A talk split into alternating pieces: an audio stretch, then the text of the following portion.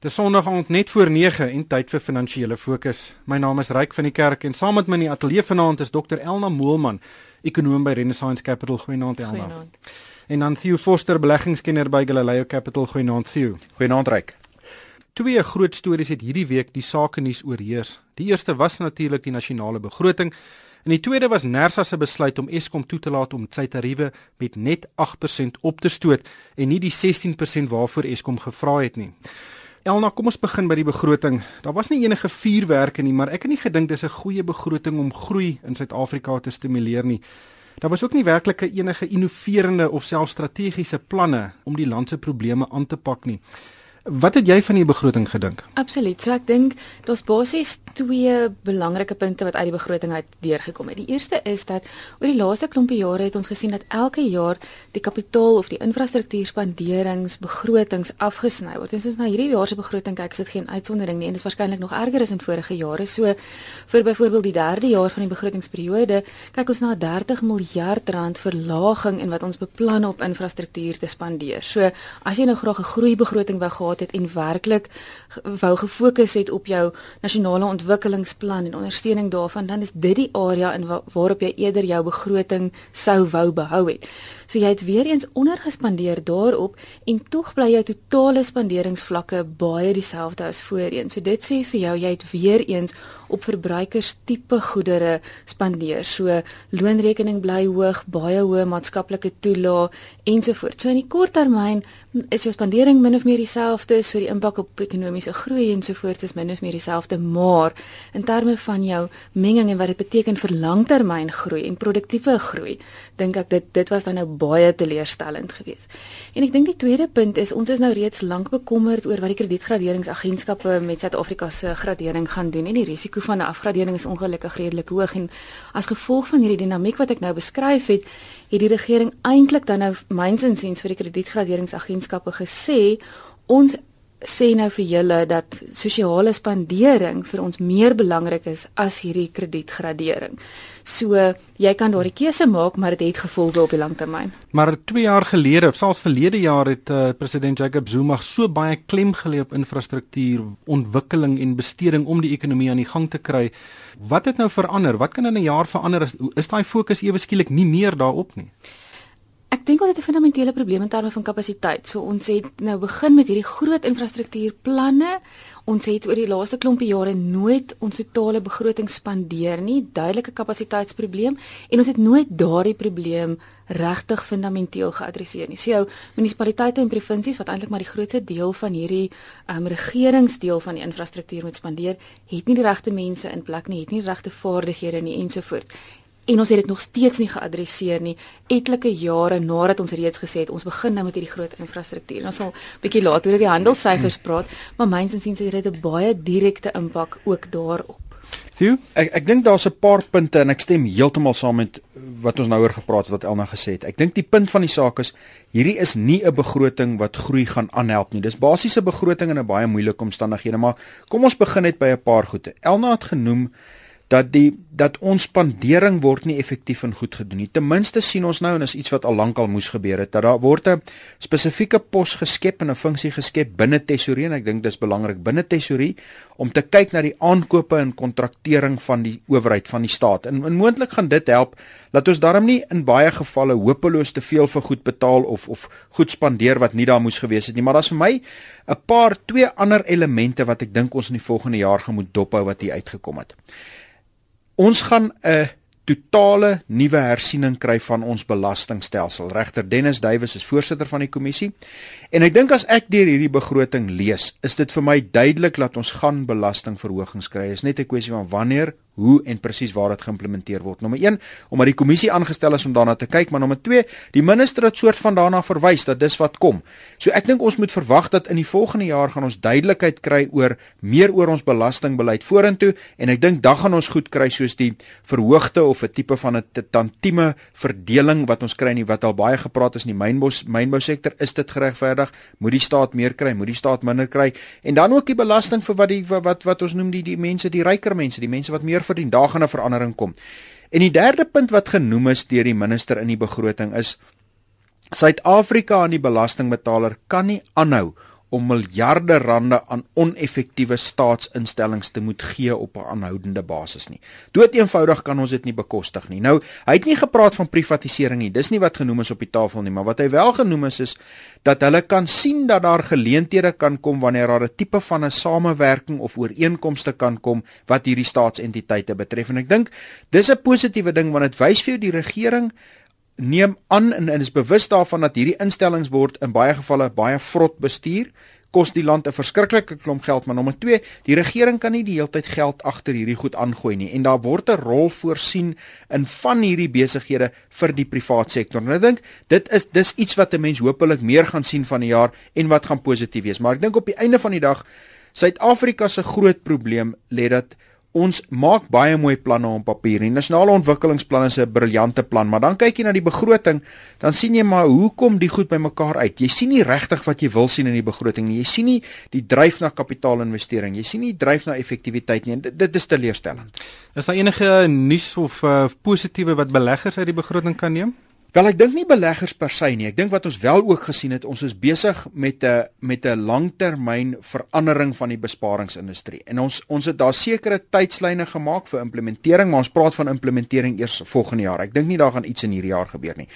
Daar's dokumente voorgelê rondom die besparingsindustrie en ek dink die kern lyn en en voor ons kom by die implementering die kernlyn gaan wees die regering wil dit die moeite werd maak vir mense om meer te spaar sodat meer mense geld het om na hulle eie aftrede te kyk dis wat beplan word goed Daar's daar's 'n witskrif vir kommentaar tot einde Mei en dan neem ek aan ons gaan verdere kommentaar sien en dan sal sekere beplanning vir implementering in die volgende belastingjaar. Hierdie is ten minste word probeer die regering kyk wat en hoe om dit te doen. Daar's ook sekere uitsprake gemaak oor oor trust en die bestuur van trust en hoe trust gebruik word, maar ek dink weer eens, dis hierdie goed is in proses en ons gaan deur die jaar meer daarvan hoor.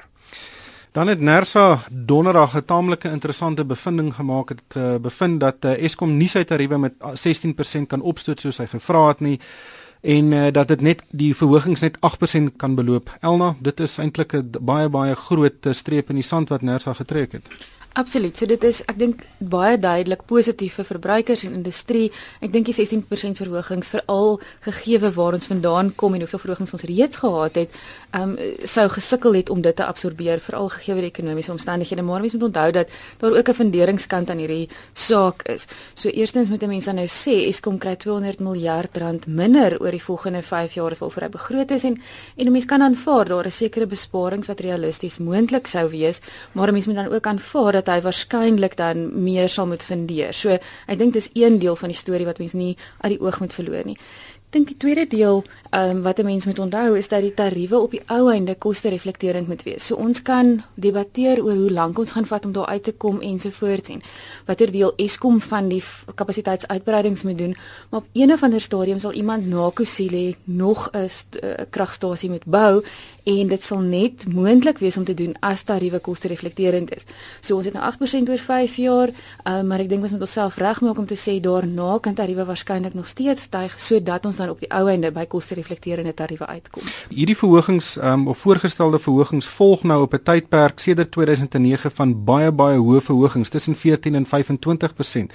Dink jy ons is nou oor die hond se rug met hierdie geweldige verhogings? Dink jy toekomstige verhogings gaan nader aan inflasie wees?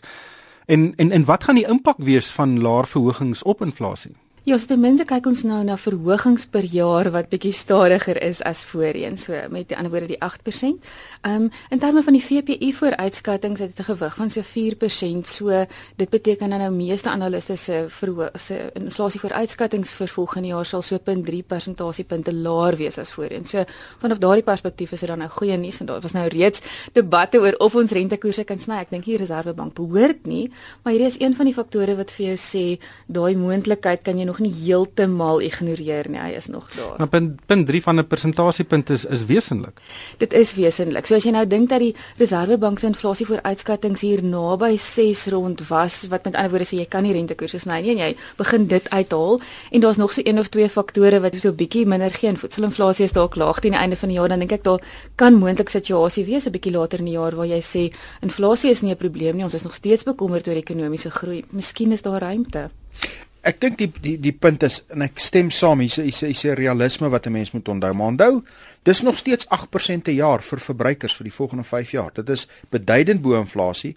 Um, dis nou wel nie 16% nie, maar dit beteken net die die, die tempo waarteen dit 'n negatiewe impak op inflasie het is bietjie stadiger of die pas is bietjie stadiger. Dis nie weg nie, dis nie uit die prentjie uit nie. En net om dit in perspektief te sit, Elna praat praat nou van die 200 miljard rand. As jy 5% of of as jy oor 5 jaar vat wat Eskom voorgevra het is dat oor 5 jaar verhoog krag met 110%. Hulle het net 47% gekry. So dit beteken daar is 'n beduidende gaping wat hulle sal moet toemaak of op een of ander manier moet by uitkom en ek dink nie ons kan daarbey verbykom nie. Dis natuurlik 'n ander vraag of Eskom werklik effektief is en of hy kostestrukture effektief is en effektief sy dienste lewer. Dis 'n heeltemal 'n ander vraag, maar die punt van die saak is 8% is beduidend vir verbruikers, maar dit laat ook vir Eskom 'n gaping in hulle befondsing. Hmm. Dan het ons ook handelssyfers gesien, taamlike swak handelssyfers. Die handelstekort in Januarie het 'n reusagtige 25 miljard rand beloop. Dit is 5 keer meer as in Desember en dit plaas net nog druk op die lopende rekening of die tekort op die lopende rekening. Elna, hoe, hoe het jy hierdie syfers gelees? Ek dink as mens na hierdie spesifieke syfer kyk, dan het masjinerie invoere 'n redelike groot deel van die verswakking uitgemaak. So dit was so 5 miljard rand van hierdie amper 25 miljard verswakking. Maar as ons 'n nou analise gaan doen na die totale invoer storie in Suid-Afrika nou en ons vergelyk dit met geskiedkundige syfers, dan is dit nogal vir my 'n bron van kommer. So as ek teruggaan na die 90s en 2000s toe, dan was verbruikersinvoere wesentlik laer as kapitaalinvoere. So kapitaalinvoere was maklik 25% van invoere en jou verbruikersgoedere nader aan hier by 13%. En op hierdie stadium is verbruikersgoedere invoere groter as kapitaalinvoere. So dit maak 'n mens bekommerd. En dan aan die ander kant ook en nou so vroeër al begin sinspeel daarop is ek baie bekommerd oor ons fundamentele uitvoer storie en wat dit sê van ons mededingendheid. So ek het 'n analise gaan doen om te sê wat was ons markandeel per kommoditeit gewees 5 jaar terug en 3 jaar terug. Wat is dit nou? As ons net ons markandeel kon behou het van 2005 af, met presies dieselfde totale wêrelduitvoere, dan kon ons nou 'n lopende rekening surplus gehad het. Met ander woorde, hier is 'n Suid-Afrikaans spesifieke probleem wat ons moet aanspreek en van die probleme is redelik ooglopend. Die goudindustrie byvoorbeeld speel 'n groot rol hier. Maar as 'n mens ook dan nou gaan kyk wat kos dit om goedere vanaf Suid-Afrika uit te voer, Transnet se tariewe byvoorbeeld. So dit kom amper terug na die Eskom storie toe ook dan dink ek dit speel ook 'n baie groot rol. En as ons hierdie goeters nie nou baie dringend begin aanspreek nie, dan is ek bekommerd oor waar dit die ekonomie laat 5 of 10 jaar van nou. Warren Buffett, een van sy bekendste gesegdes is dat as jy kan net sien wie kaal swem as die gety terugtrek.